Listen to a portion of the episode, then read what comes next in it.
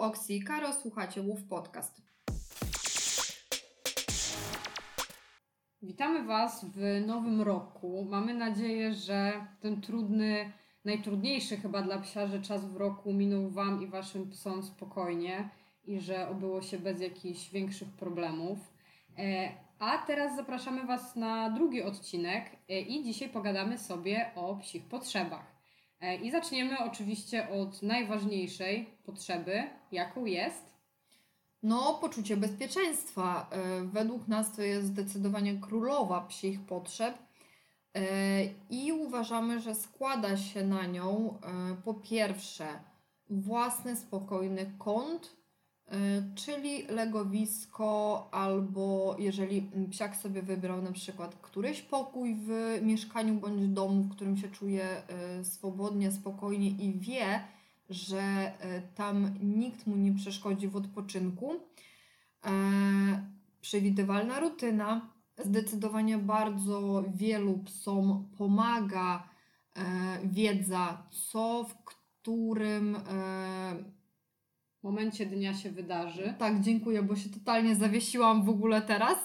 E, tak jak nam program przed chwilą.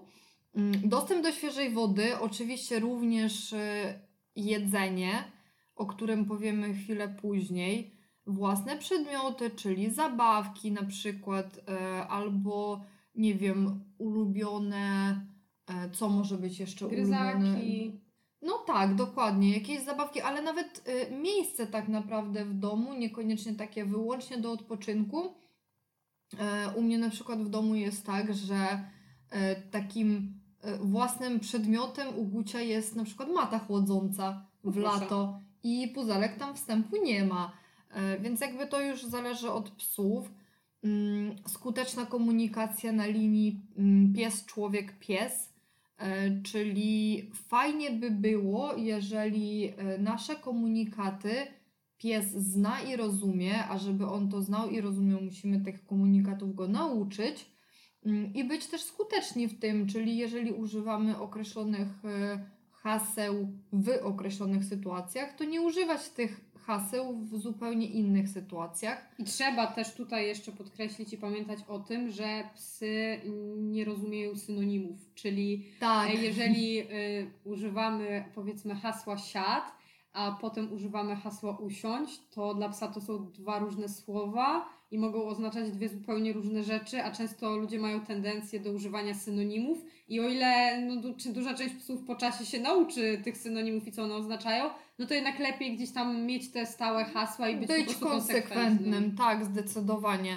E, Ale też właśnie w drugą stronę, co nie, ta komunikacja, e, która Psia. idzie od psa, czyli fajnie by było, gdyby każdy opiekun e, znał chociaż podstawowe sygnały tak naprawdę e, psiej komunikacji, bo wtedy e, fajnie w ogóle się żyje z psem i pies nie ma takiego poczucia, że prowadzi monolog, jest nierozumiany.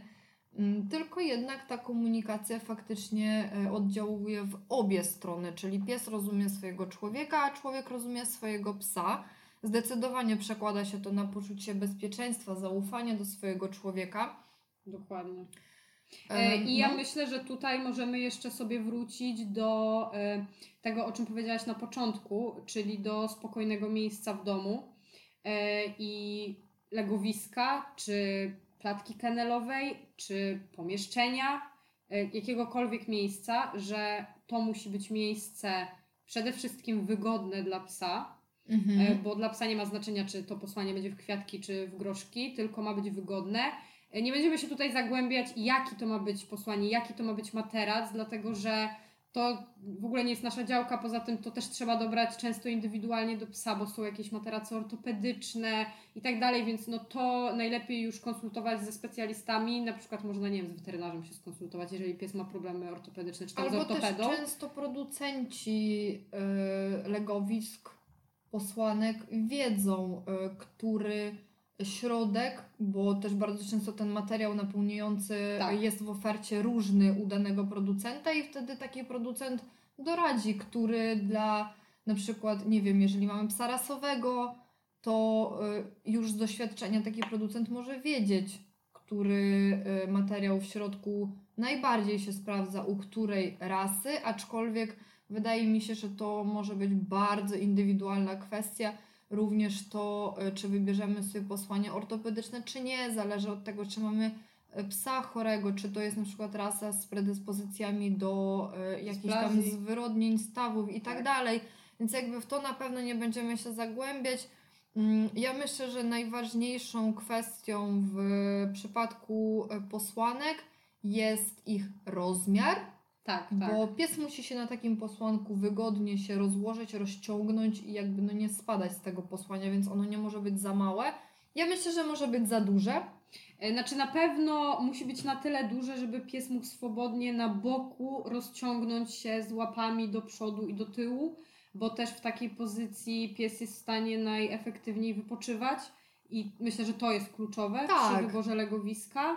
E, Często e, można też, ja znam takie przypadki, gdzie ludzie wykorzystują ludzkie materace albo na przykład dziecięce materace w, w jakimś tam rozmiarze dobranym do psa, E, Więc to już jest kwestia bardzo indywidualna, ale na pewno to legowisko musi być przede wszystkim wygodne i komfortowe dla psa. E, No i tutaj e, mamy dwie takie ciekawe anegdotki. Ja mam anegdotkę w kontekście poczucia bezpieczeństwa, bezpiecznego miejsca w domu a propos Mastana, bo u nas jest taki schemat, że e, ja nigdy Mastanowi, znaczy była jedna próba wprowadzania mu klatki materiałowej, ale finalnie odpuściliśmy, bo Mastan jest takim typem psa, który bardzo nie lubi mieć mocno ograniczonej przestrzeni wokół siebie. On się wtedy czuje z kolei niepewnie, e, jeżeli ta przestrzeń jest ograniczona i to wejście jest jakby tylko z jednej strony, bo wtedy potencjalne zagrożenie, które zbliży się od wejścia jest, y, zablokuje mu drogę ucieczki. A to jest pies, który często jakby jego strategią od rzeczy stresujących i strasznych jest ucieczka, więc jakby u nas y, totalnie klatka kennelowa się nie sprawdziła, ale jego takim bezpiecznym miejscem jest y, cała nasza sypialnia. Więc jakby ja się śmieję, że jego klatką kennelową jest nasza sypialnia i to nam się bardzo fajnie sprawdza, bo y, ja sobie to bezpieczne miejsce jego wykorzystuję w takich sytuacjach, jak na przykład przychodzą do nas goście, osoby, których on nie zna, albo nawet takie, które zna i gdzieś tam na początku on sobie jest w tej sypialni, a wychodzi z niej dopiero jak już goście siedzą, są statyczni i nie ma tego efektu wejścia na wprost na psa, bo sypialnię mamy taką miejscowioną. No chyba, że przychodzi ciocia, to wtedy Mastan słyszy, że przychodzi ciocia I od razu chce od wyjść. razu chce wyjść już do niej. Tak, bo często jest tak, że jak słyszy, że przychodzi ktoś, kogo nie zna albo kogo się obawia, to on nawet nie chce wyjść. Nawet jak ja mu otworzę te drzwi od sypialni i jak już goście siedzą, to on w ogóle nie ma potrzeby wyjścia z tej sypialni, bo po prostu tam czuje się bezpiecznie. Ale też w ogóle w ciągu dnia, jak u nas, y, no wiadomo, w ciągu dnia dzieją się rzeczy w domu, więc jak dzieją się rzeczy i my tutaj, nie wiem, gotujemy, y, leci jakaś muzyka czy cokolwiek, no to wtedy faktycznie on większość dnia przesypia sobie w sypialni. A u mnie anegdotka jest taka, że akurat my mamy klatki kennelowe, które po prostu sobie stoją po y, dwóch stronach kanapy w salonie. I y, ja nie wykorzystuję tych klatek, nigdy ich nie wprowadzałam tak jak y, klasycznie metoda jakby sugerowałaby. E, czyli nauka, że tam najpierw nagradzamy psa za to, że spojrzy na klatkę, e, że budujemy pozytywne skojarzenia w klateczce, czyli na przykład dajemy gryzaki w środku i tak dalej. Nic z tych rzeczy. Mamy jedną klatkę materiałową, jedną metalową. W tej metalowej ja nigdy nie zamykam drzwiczek, w ogóle zastanawiałam się nad tym, żeby je wymontować. Także u mnie psy same wiedzą, że lubią te klateczki swoje i jak mają sobie ochotę tam pójść, mają tam fajne legowiska, sobie po prostu tam idą, kładą się i odpoczywają, a jak już nie chcą tam wypoczywać, to sobie idą wypoczywać gdzie indziej. Ale wiedzą, że nigdy, ale to po prostu przenigdy, ja im tam nie wejdę, no jakby fizycznie to tam nie wejdę, ale nie włożę rąk, nie zacznę y, ich stamtąd wyprowadzać, nie zacznę nie wiem, do nich gadać. Właściwie jak pies u mnie jest w klatce kennelowej, to tego psa dla mnie nie ma. No i mm, przez jesień u nas się e, pojawił problem u Guta z drożdżakami, e, które zostały nie, powiem szczerze, że ja nie znam się za bardzo na tym temacie tak głębiej, skąd te drożdżaki się biorą i tak dalej, natomiast jest to wynik alergii i my mamy teraz środowisko, zresztą, yy, znaczy na jesieni, yy, mieliśmy środowisko takie wilgotne i jeszcze ciepłe, szczególnie jak pies wchodzi z dworu do domu, ma mokre łapy, E, w domu jest ciepło i to środowisko między poduszkami, między paluszkami jest bardzo takie sprzyjające, albo również w uszach, bo te drożdżaki też mieliśmy w uszach. Z łapami to jest tak, że na jesieni jest dużo liści, jak to wszystko namoknie, a potem jest ciepło, no to to wszystko zaczyna gnić, nie? I to jest problem. Tak, dokładnie, więc te, nawet grzyby, bo drożdżaki to chyba są jakieś tam rodzaje jest... grzybów, co nie? Tak, no tak, tak, tak. Więc jakby tych e, grzybów też na e, dworze mamy bardzo dużo wśród tych tych liści, więc jakby to się po prostu pojawia i w przypadku alergików yy, gadałam, z, zresztą Masten również miał drożdżaki, no oczywiście. też jest alergikiem oczywiście. i gadałyśmy z wieloma innymi osobami, u których psy yy, mają alergię. Faktycznie na jesieni to jest rzecz normalna, że to się dzieje. Yy, no i przypisała nam nasza lekarz weterynarii yy, chusteczki mm, do wycierania tych łapek, yy, które i te chusteczki jakby um, usuwają te drożdżaki i mechanicznie i zawierają taki um, płyn? płyn, który faktycznie sprzyja zabijaniu tym, tych grzybów oraz zapobieganiu jakby namnażania się tych drożdżaków. Ale te chusteczki tak cholernie śmierdzą, to znaczy no mi to one jakby bardziej pachną, ale dla guta E, tak naprawdę to te chusteczki śmierdzą i on jak tylko widzi, że ja biorę te chusteczki, to pierwsza rzecz, którą, którą robi, to mnie zwiewa do klatki kenelowej, bo on wie, że ja go stamtąd nie wyproszę, że ja nie przyjdę mu tam wycierać tych łap w tej klatce kenelowej, no i wtedy muszę po prostu jakby ze czekać. smuteczkiem odłożyć chusteczki i czekać aż syn wyjdzie i już powie, że no dobra mama, to możesz teraz mi wytrzeć te łapy. Także takie anegdotki, jeżeli chodzi o y, poczucie bezpieczeństwa w domu. Tak, więc po prostu trzeba pamiętać o tym, że pies musi mieć miejsce takie, w którym faktycznie nikt go nigdy nie zaczepia. Nie? Jakby, że to jest takie miejsce, w którym może się schować i mieć święty spokój. Tak, i jeszcze na koniec, jeżeli chodzi o poczucie bezpieczeństwa, to bym wymieniła awersję. Brak awersji wobec psa bardzo się przekłada na poczucie bezpieczeństwa, bo bardzo często ta awersja ze strony człowieka, czy to z użyciem mm, narzędzi awersyjnych, czy też po prostu awersja wychodząca od człowieka, bardzo często nie jest y, przewidywalna dla psa. My możemy mieć gorszy dzień i możemy się wkurzyć, y, tak y, ogólnie mówiąc, i faktycznie możemy zareagować bardziej nieprzewidywalnie, nawet sami dla siebie. I jakby, no chciałabym tutaj powiedzieć, że to też jest ok, my jesteśmy ludźmi, natomiast y, bardzo bym chciała, żeby zawsze każdy opiekun miał tą świadomość, że y, jakby jeżeli mamy gorszy dzień, to lepiej mniej spędzać czasu z psem niż y, gdzieś tam faktycznie sobie... zwiększać to ryzyko zachowania się wobec psa tak, jak potem będziemy tego żałować. Mm, no bo to zawsze trochę jednak mimo wszystko tą relację podkopuje i... To bardzo podkopuje. Tak. Zaufanie y, psa i w ogóle burzy.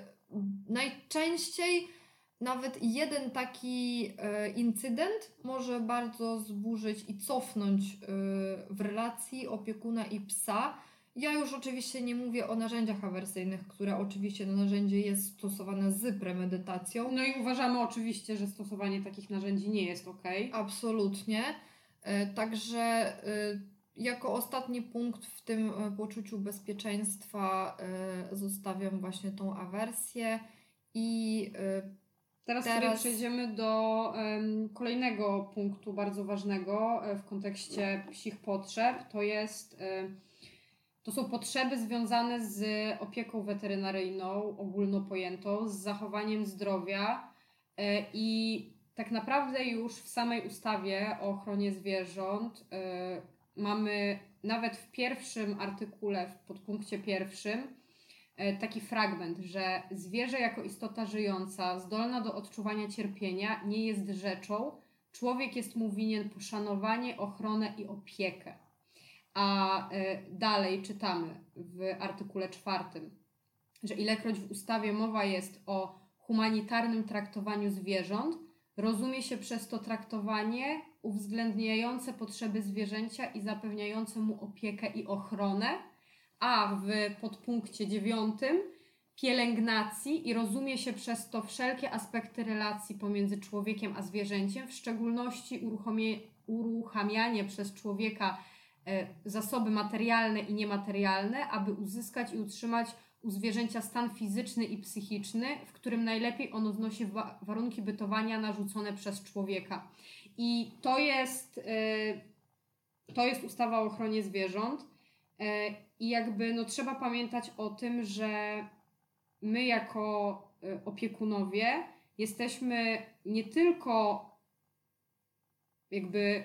Jesteśmy zobowiązani. Tak, tak naprawdę. ale chodzi mi o to, że nie tylko. że też prawnie, że to jest też narzucone prawnie, że jeżeli decydujemy się na psa, jeżeli chcemy być psi, opiekunem psa, no to musimy Innego pamiętać. zwierzęcia każdego. Tak, no oczywiście, no my tu mówimy o psach, ale oczywiście każdego innego również. No to musimy pamiętać o tym, że musimy mu zapewnić opiekę weterynaryjną. E, Psy chorują e, i nawet jeżeli mamy super e, okaz zdrowia psiaka, który całe życie cieszy się dobrym zdrowiem, no to wciąż badania profilaktyczne minimum raz do roku, szczepienia.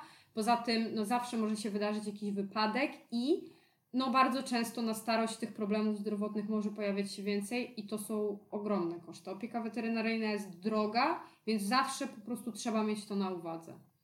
E, I jeszcze chciałabym dodać, że warto pamiętać o tym, że e, zwierzęta bardzo e, ukrywają ból, więc to, że mamy psa bądź kota, bądź tam inne zwierzę, które wydaje nam się zdrowe, I nie ma żadnych objawów. tak, tak, tak. Nie ma żadnych objawów, absolutnie. To, to nie oznacza, że powinniśmy czekać z wizytą u weterynarza ym, przez lata, aż się pojawią jakieś objawy, aż coś się zacznie dziać. Nie. Tylko y, uważamy, że y, każde zwierzę raz do roku minimum powinno odbyć wizytę u lekarza weterynarii, taką kontrolną a my to jesteśmy w ogóle wariatki, bo y, nasze psy są przebadane, oczywiście nie ukrywamy, że lepiej od nas, mają wszystkie badania, są y, regularnie badane przez specjalistów, czyli y, nie tylko lekarz weterynarii bada zęby naszym psom, czy oczy, czy osłuchuje serca płuca, tylko również nasze psy chcą, chodzą do kardiologów, okulistów, dentystów i Szczerze polecamy. Tak, bo... korzystanie z usług specjalistów, zdecydowanie. Tak, bo no nie chcę tutaj powiedzieć, że kto jest od wszystkiego, ten jest od niczego, bo wszyscy Ale my... wiedzą, że jakby każdy lekarz weterynarii, taki internista, oczywiście, że się specjalizuje. Natomiast no ja miałam taki przypadek już lata temu, że pies miał chore serce, a ym, internista nie wykrył tego, więc... Znaczy na... wiecie, wy jeżeli macie problem ortopedyczny, to nie idziecie do internisty, tylko idziecie do ortopedy. Dokładnie. Jeżeli macie problemy z sercem, to nie idziecie do internisty, tylko idziecie do kardiologa. I dokładnie tak samo powinno być z psami. E, więc jakby no trzeba pamiętać o tym, że te badania kontrolne minimum raz do roku są bardzo ważne. Przede wszystkim, przede wszystkim musi to być badanie krwi, najlepiej roz, profil rozszerzony. Przede wszystkim musi to być USG. E, badanie kardiologiczne Myślę, że również. Czy tak, coś jeszcze? E, przynajmniej mm, ja akurat jak byłam na przykład u kardiologa, to e, u mnie się okazało, że oba psy mają takie serca zdrowe, że ja nie potrzebuję z nimi chodzić do kardiologa przez najbliższe 4 lata. Ale wiecie, ja mam to na papierze od specjalisty w danej dziedzinie i w tej chwili serca są monitorowane przez naszego lekarza prowadzącego, który jest, która jest internistką jakby ja mam spokojną głowę, ona też ma spokojną głowę, bo to zostało potwierdzone e, już takimi badaniami jak echo serca i tak dalej.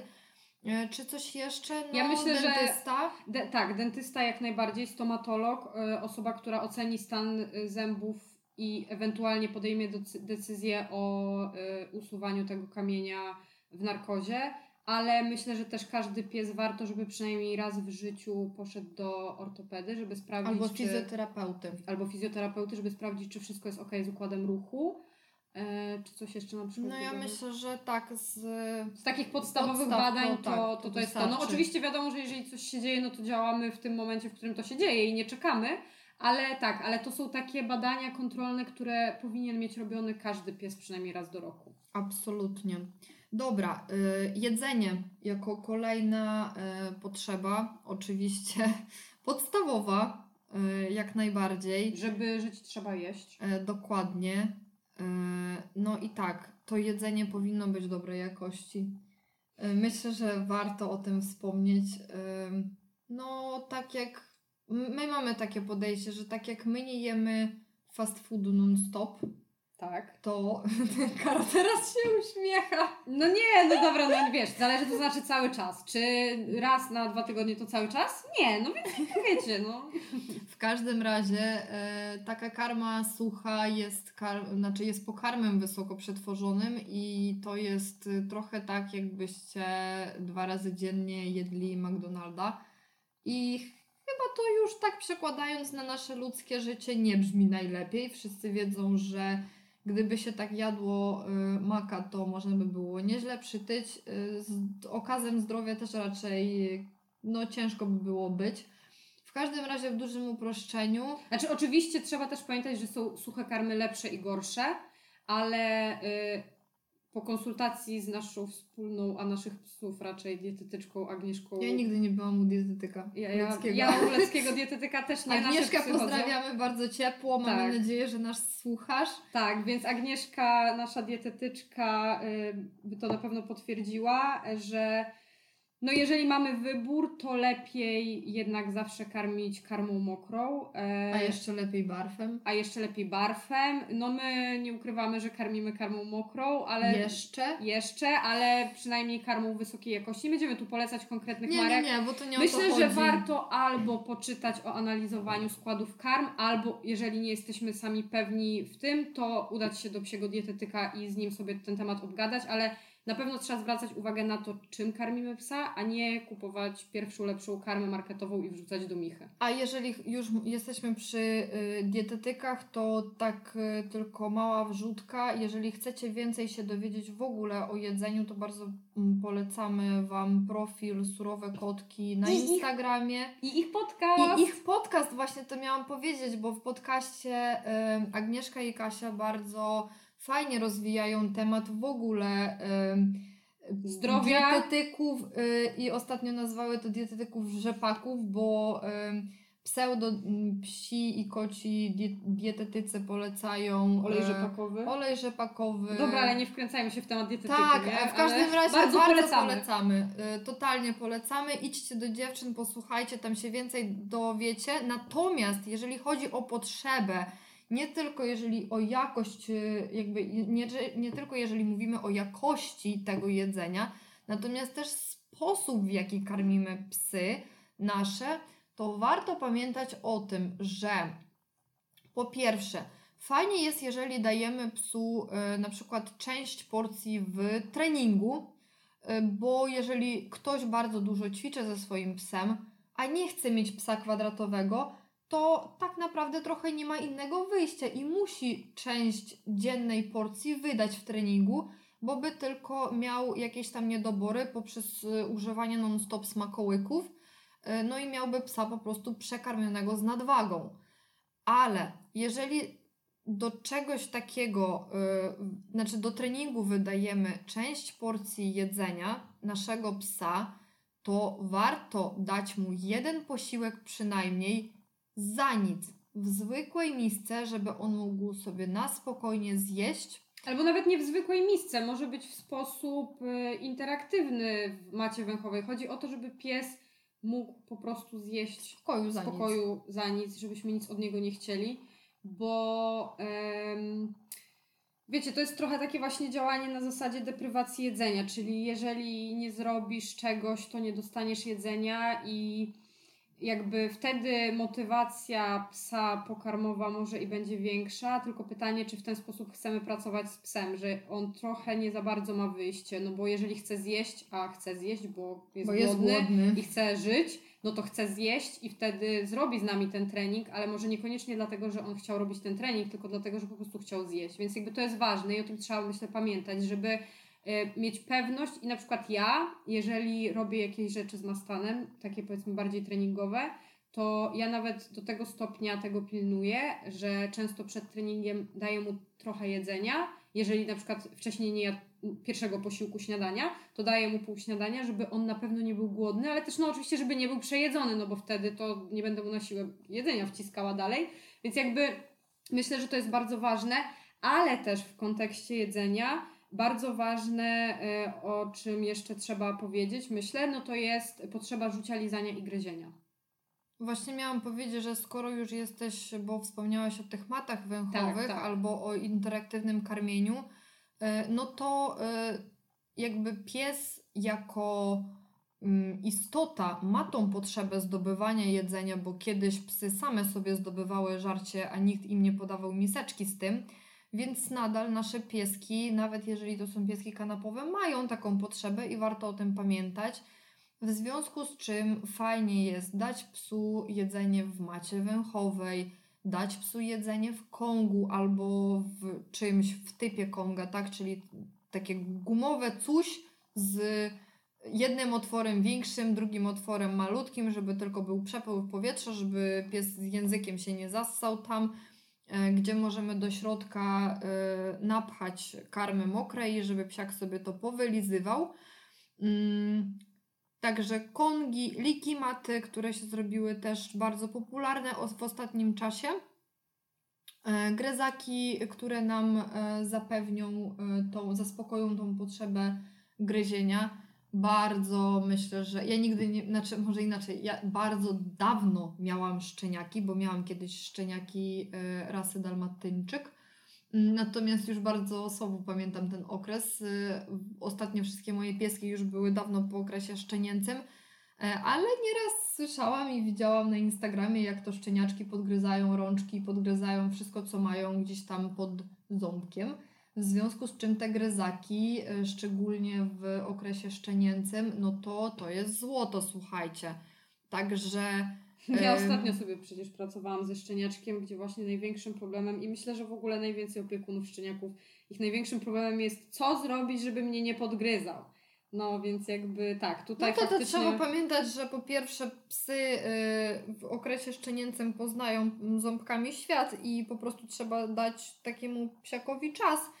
Ale jeżeli nie chcemy, żeby jednak gryzł nas po nogach, rękach i innych rzeczach, które nas bolą, no to wtedy gryzaki jednak przychodzą z pomocą. Dobra, Karo, eksplorowanie.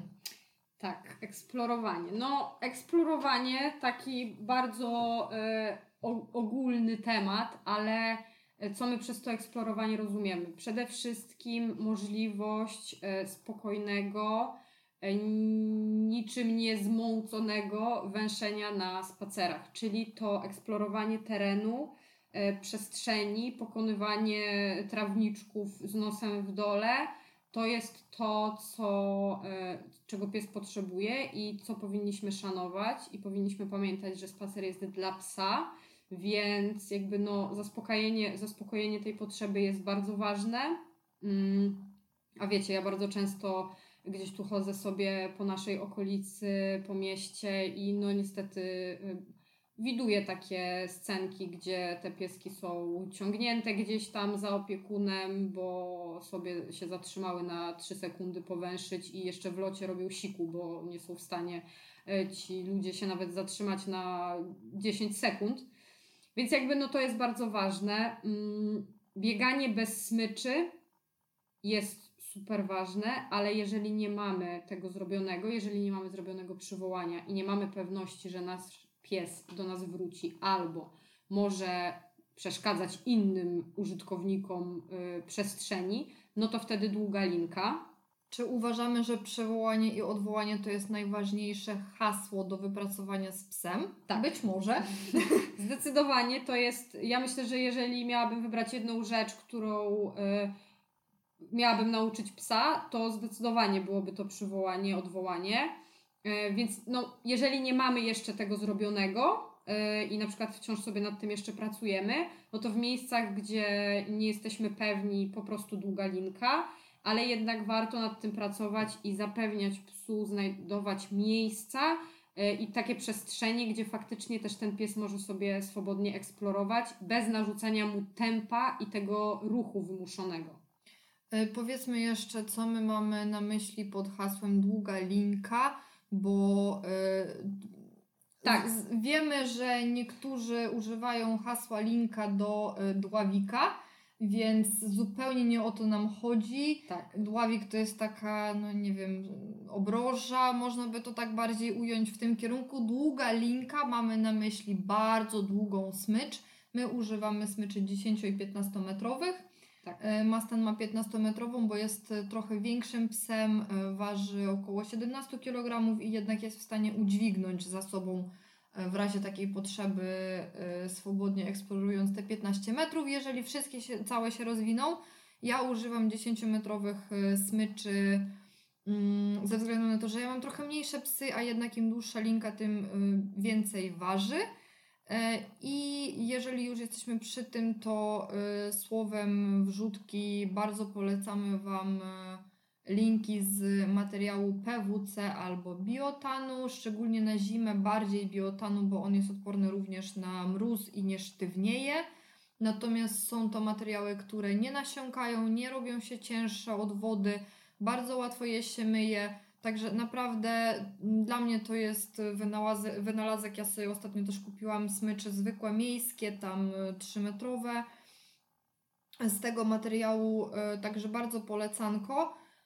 E, no i tak jak mówisz, bez narzucania kierunku, czyli harmonizujemy się z psem, tak, patrzymy gdzie pies idzie, gdzie pies patrzy, zatrzymujemy się, jeżeli pies się zatrzymuje, jak najbardziej. To znaczy tak, to, to mówimy o takich sytuacjach na przykład miejskich, gdzie faktycznie mamy tego psa na smyczy. Ja na przykład na smycz miejską mam pięciometrową linkę i to jest taka moja najkrótsza smycz, jakiej ja używam, bo faktycznie no, zapewnia ileś tam tej swobody, a i nie ma też problemu, że ja nie muszę latać po trawnikach i włazić w kupy. Więc jeżeli chodzimy sobie po mieście i mamy taką możliwość, to fajnie jest pamiętać o tej harmonizacji i o tym, żeby pies mógł sobie zaspokajać te swoje potrzeby, oczywiście w granicach bezpieczeństwa i nie pozwalamy psu włazić pod koła samochodu. No a tam, gdzie jest możliwość puszczenia psa luzem albo na jeszcze dłuższej lince, no to wtedy w ten sposób, nie? Ja mam zamiar kupić e, taką pięciometrową też e, smycz na spacery miejskie samotne z gutem. E, mam co prawda pięciometrową smycz, ale jest tą smyczą flexi i ja smyczy automatycznych już nie używam od lat. Mm, w dużym skrócie powiem dlaczego. Głównie dlatego, że e, taka, w ogóle smycz to jest e, narzędzie komunikacji między człowiekiem a psem, a jednak taka smycz, która jest ciągle napięta, bo flexi jest zawsze napięta, zaburza tą komunikację i właściwie to w ogóle nie jestem w stanie na takiej smyczy się komunikować z psem. I też e, w zależności od tego, jak duży opór stawia taka smycz, ten mechanizm w niej, to pies uczy się ciągnięcia, ale też przy psach lękliwych. Nawet nie tylko, no ta smycz może nam wypaść z ręki i jak uderzy tak y, dość duży plastikowy element o gdzieś tam posadzkę albo asfalt, to wydaje e, straszne huki, taki pies może się wystraszyć. Także generalnie uważam, że Smycz automatyczna ma dużo więcej minusów niż plusów. Plus ma chyba tylko taki, że po prostu się sama zwija i człowiek niewiele musi robić. No i jakby jest higieniczna. Znaczy ja myślę, że to nie jest jakiś tam e, przedmiot szatana. Nie, nie, nie, absolutnie. Po Ale prostu z mojego doświadczenia mówię, że jakby ja nie używam i argumentuję dlaczego, aczkolwiek no nie mówię, że teraz jeżeli ktoś y, używa smyczy automatycznej W odpowiedni to... sposób i mu się to sprawdza, to że to jest tak. w ogóle tak. najgorsza rzecz na świecie. Aczkolwiek nie? rozwaliło mnie ostatnio, bo widziałam ten nowy wynalazek, gdzie y, jest y, otwór na rękę, jest jakby smycz taka w kształcie koła. Jezu, tak, i jest tam się wsadza rękę. rękę to ja w ogóle nie wyobrażam. To już Ja dla sobie mnie... wyobrażam, jak pies fajnie pociągnie, taki na przykład jeszcze duży i silny. Tak, I ale nawet wiesz, w jaki sposób jesteś w stanie y, tą smycz przyblokować odpowiednio szybko, jeżeli masz psa na przykład na luźnej tej smyczy, niezablokowanej. No nie wiem, w każdym razie ja mam bardzo mieszane uczucia co do y, tych smyczy i też nie ukrywam, że często jak widzę psa na flexi, to nigdy nie wiem jak długa jest ta flexi, y, na ile ja muszę uciekać z drogi takiemu psu, żeby on nie doszedł do mojego w razie czego. Czy ktoś jak nawet przyblokuje, czy zaraz nie, nie popuści tej Tak, flexi? w każdym razie, no y, tak, bardzo, bardzo czekam na moment, w którym sobie też zamówię pięciometrową na samotne spacerki po mieście, bo y, też uważam, że te 5 metrów to jest tak y, na miasto y, Spoko. idealna jest. długość. No, dokładnie, dokładnie. Tak, no i co? Przechodzimy może już do kolejnego punktu. e, A, który- i to moje, odpoczynek. To ja miałam opowiedzieć o odpoczynku. To już, już wszystko mówię, o co chodzi z tym odpoczynkiem.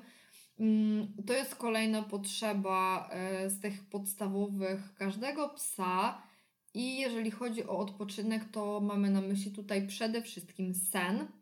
E, Warto pamiętać o tym, że pies śpi znacznie więcej niż człowiek i nie dziwić się, że nasz pies y, przesypia większą część doby, bo tak naprawdę dorosły, zdrowy osobnik śpi nawet 16 godzin w ciągu doby i to jest zupełnie normalne. A szczenięta i seniorzy Jeszcze nawet jeszcze dłużej. więcej. Tak, więc tak. to trzeba o tym pamiętać, nie? Mm, Tak, i y, jakby na pewno nie wybudzać psa, nie przeszkadzać, a jeszcze tutaj taka ciekawostka i na pewno y, każdy z Was y, spotkał się z czymś takim, że pies śni, mm, na przykład biega, szczeka, warczy we śnie, gdzieś tam, nie wiem, ogonem na przykład macha, bardzo często to się Tak, zdarza i to tak. jest takie przesłodkie.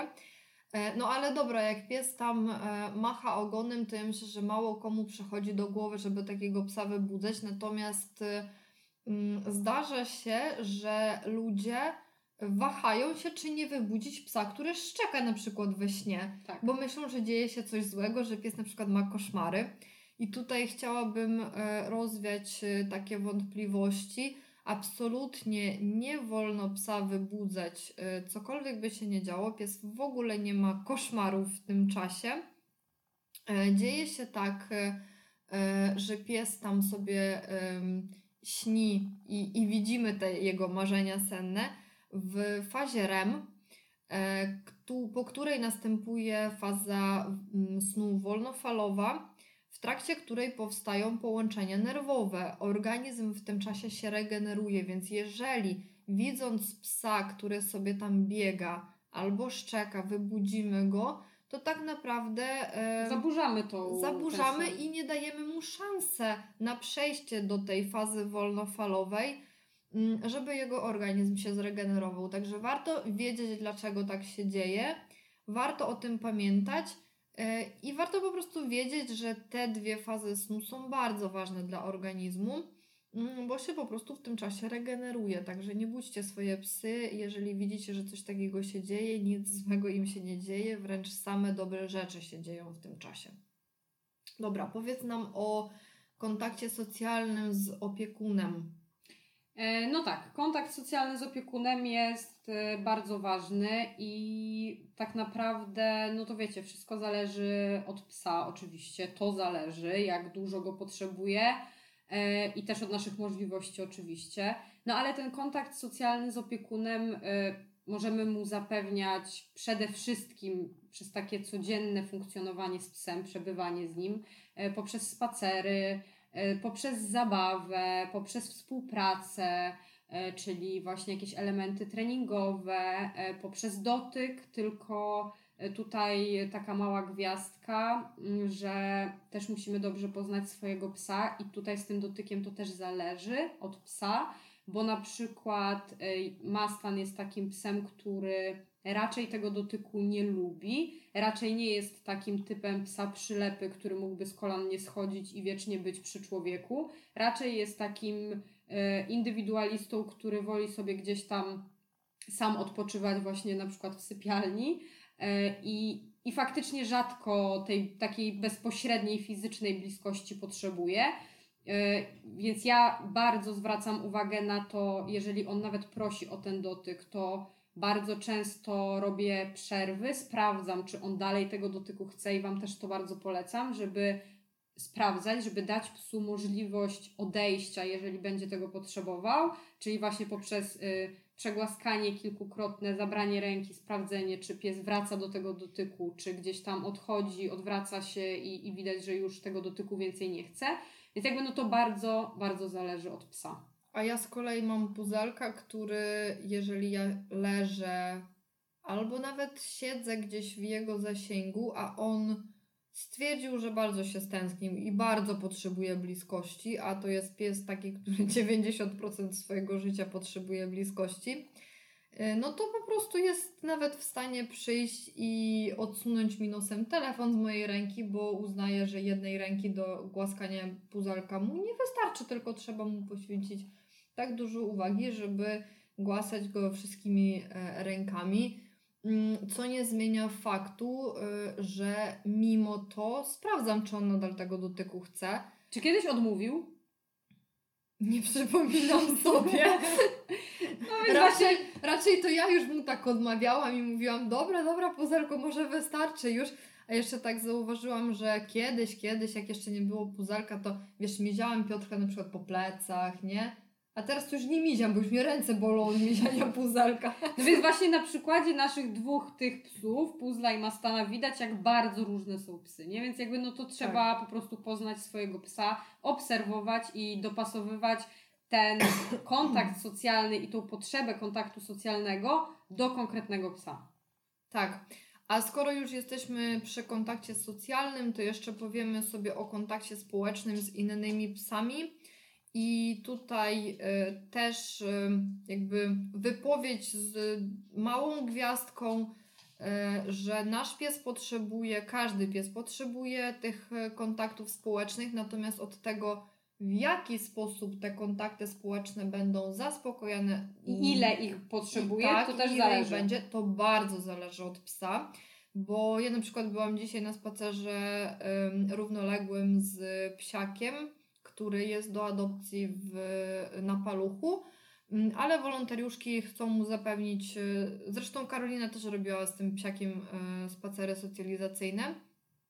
I powiem Wam tak, cały spacer y, przebiegł w dystansie, w ogóle nie było bezpośredniego kontaktu z Guciem, ale ja uważam, że ten spacer był bardzo, ale to po prostu bardzo potrzebny temu psu, bo on Widać było, że przez cały spacer czuł się bardzo komfortowo w obecności innego psa. Oni się komunikowali na odległość, ale nie potrzebuje takiego, e, takiej bezpośredniej konfrontacji, w związku z czym e, jakby taki spacer dopasowany do psa może mieć e, gdzieś tam, przynieść mu korzyść, a jeżeli takiego psa, który jednak tych bezpośrednich kontaktów nie chce, wrzucimy na wybieg albo do parku pełnego psów, no to zdecydowanie przyniesie więcej krzywdy niż tego pożytku. Znaczy ja myślę, że dla każdego psa wpychanie go w psi wybieg to przyniesie więcej szkody niż pożytku. Oczywiście, akurat jeżeli chodzi o mm, psie wybiegi, to kiedyś samym, ty chodziłaś z Mostanem kiedyś na Tak, no oczywiście. No. Bo właśnie Wiecie, nie to pamiętałam. Może kiedyś nagramy odcinek o, tych, o tym, jakie błędy albo tak, jakieś błędy no. popełniłyśmy no. na początku. No niestety. Każdy tak. popełnia błędy, ten kto nie popełnia błędów niech pierwszy rzuci kamieniem. E, Gut e, kiedyś prawie został pogryziony przez haszczaka na wybiegu. Od tamtej pory właściwie to no puknęłam się w łeb, że co ja robię i faktycznie jak zaczęłam zagłębiać się w ogóle w temat psiej komunikacji, bo to było jakieś właśnie ponad dwa lata temu e, ładne, mm, no to już wtedy e, wiedziałam, że jednak psie wybiegi nie są e, dobrym rozwiązaniem w ogóle, chyba że tak jak z puzelkiem jeszcze kiedyś, kiedyś jak on nie miał mm, wypracowanego przywołania, a chcieliśmy go puszczać luzem, to chodziliśmy na psi wybieg e, o takich porach, gdzie nikogo nie było.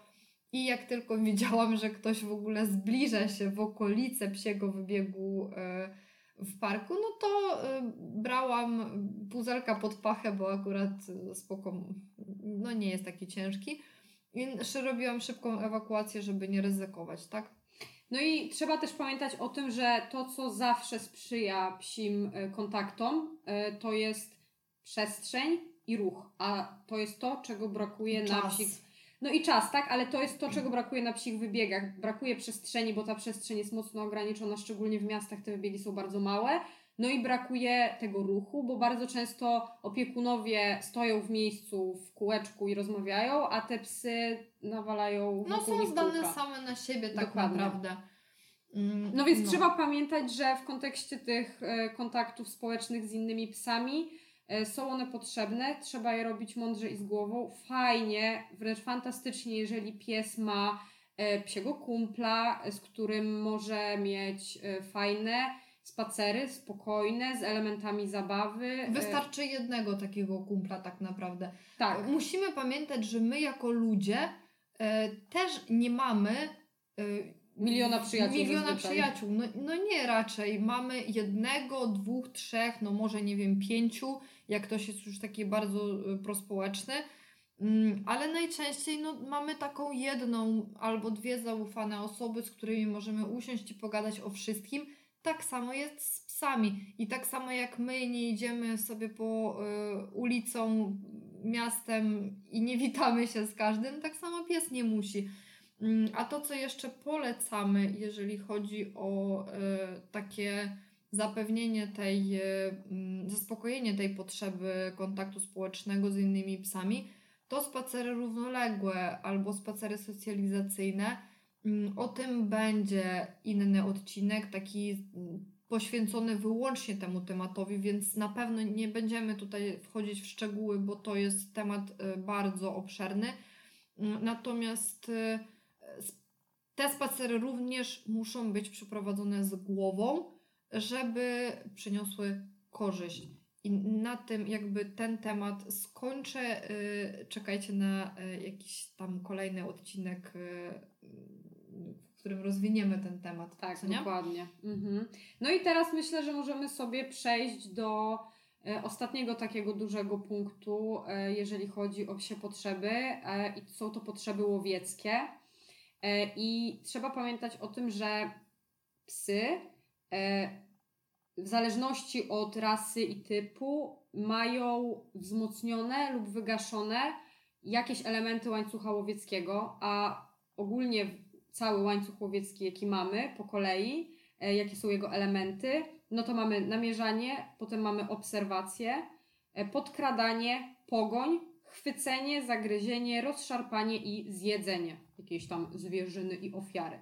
No i generalnie jest tak, że mm, u jednych typów psów, jakichś konkretnych ras, pewne rzeczy celowo były wzmacniane, no bo były potrzebne do wykonywania jakiejś konkretnej pracy, jakichś konkretnych czynności.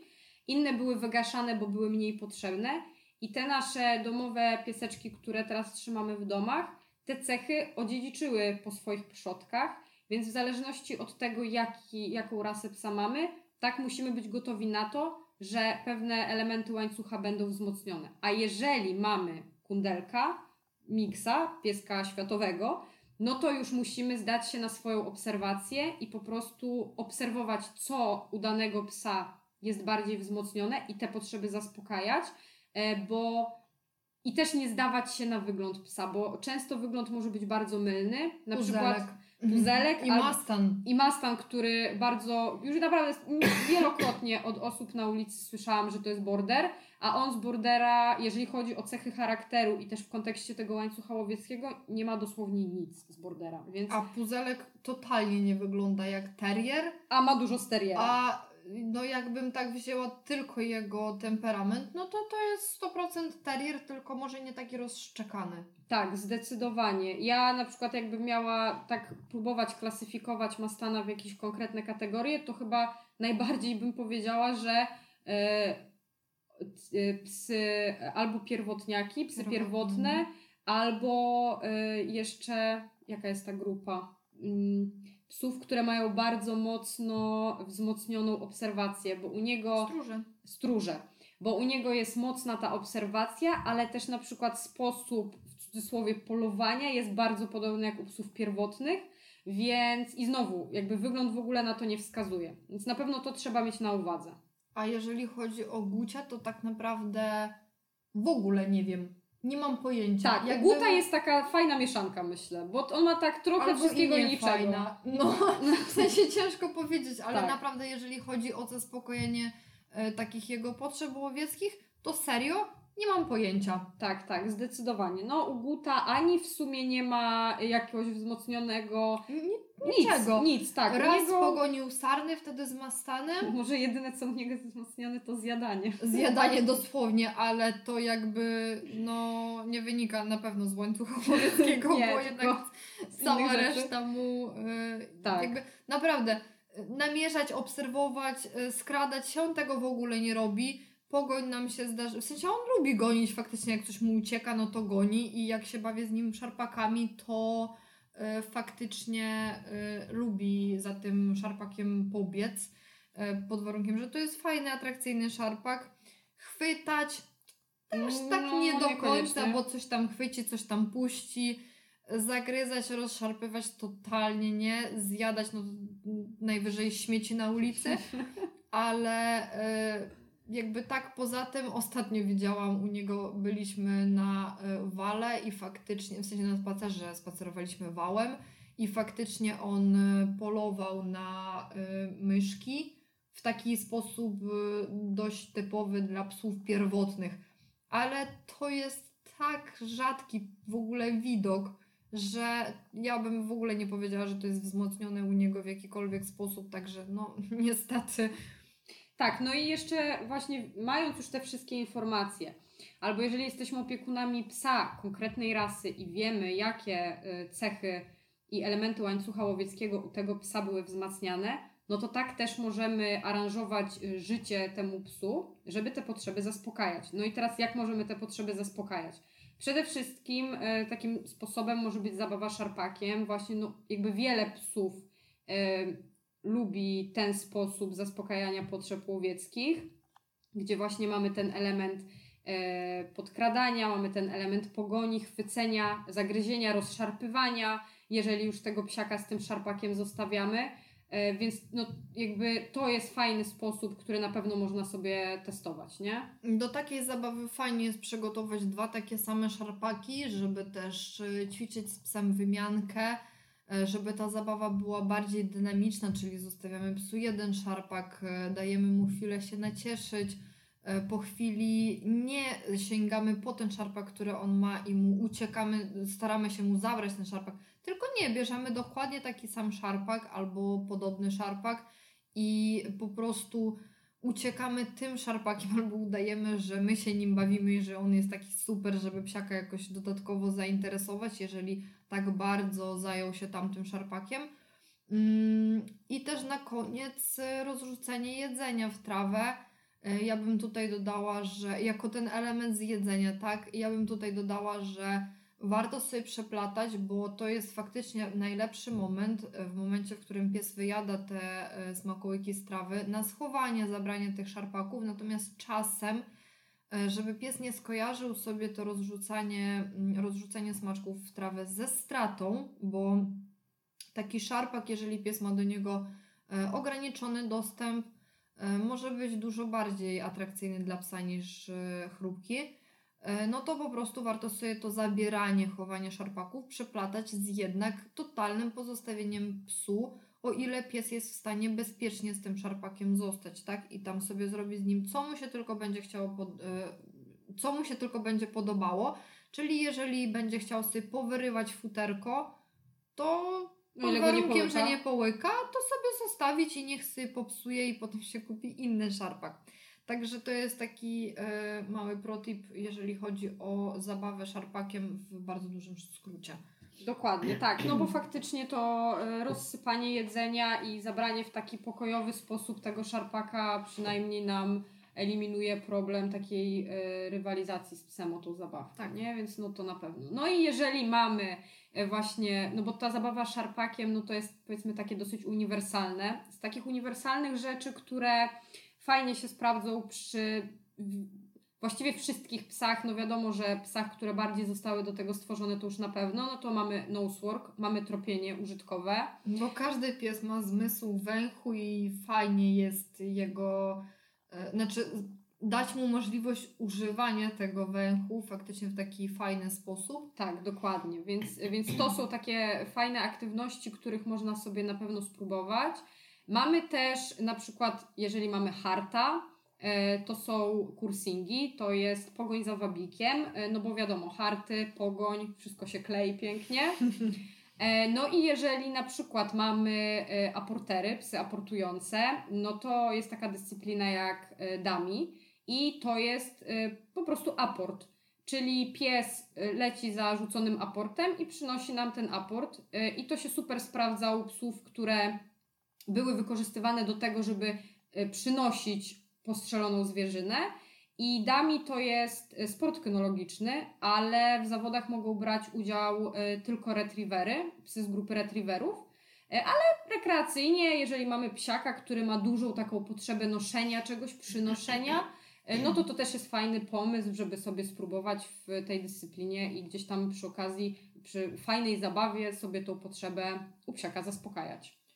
Tak, i pewnie zauważyliście, że y, w trakcie y, całej tej wymiany tych wszystkich y, potrzeb nigdzie nie zostało wymienione rzucanie psu piłeczki i owszem, no jest to raczej ostatnia rzecz, którą bym polecała robić z psem. To znaczy, to nie jest też znowu tak, że to jest zło największe na świecie, bo jeżeli... Ale trzeba to robić z głową. Tak, trzeba to na pewno robić z głową. Y, jakby spacer z psem i zabawa z psem nie polega na tym, że wychodzimy na łączkę czy przed blok i przez pół godziny rzucamy psu piłkę w tej z powrotem. No tak to wyglądać nie powinno.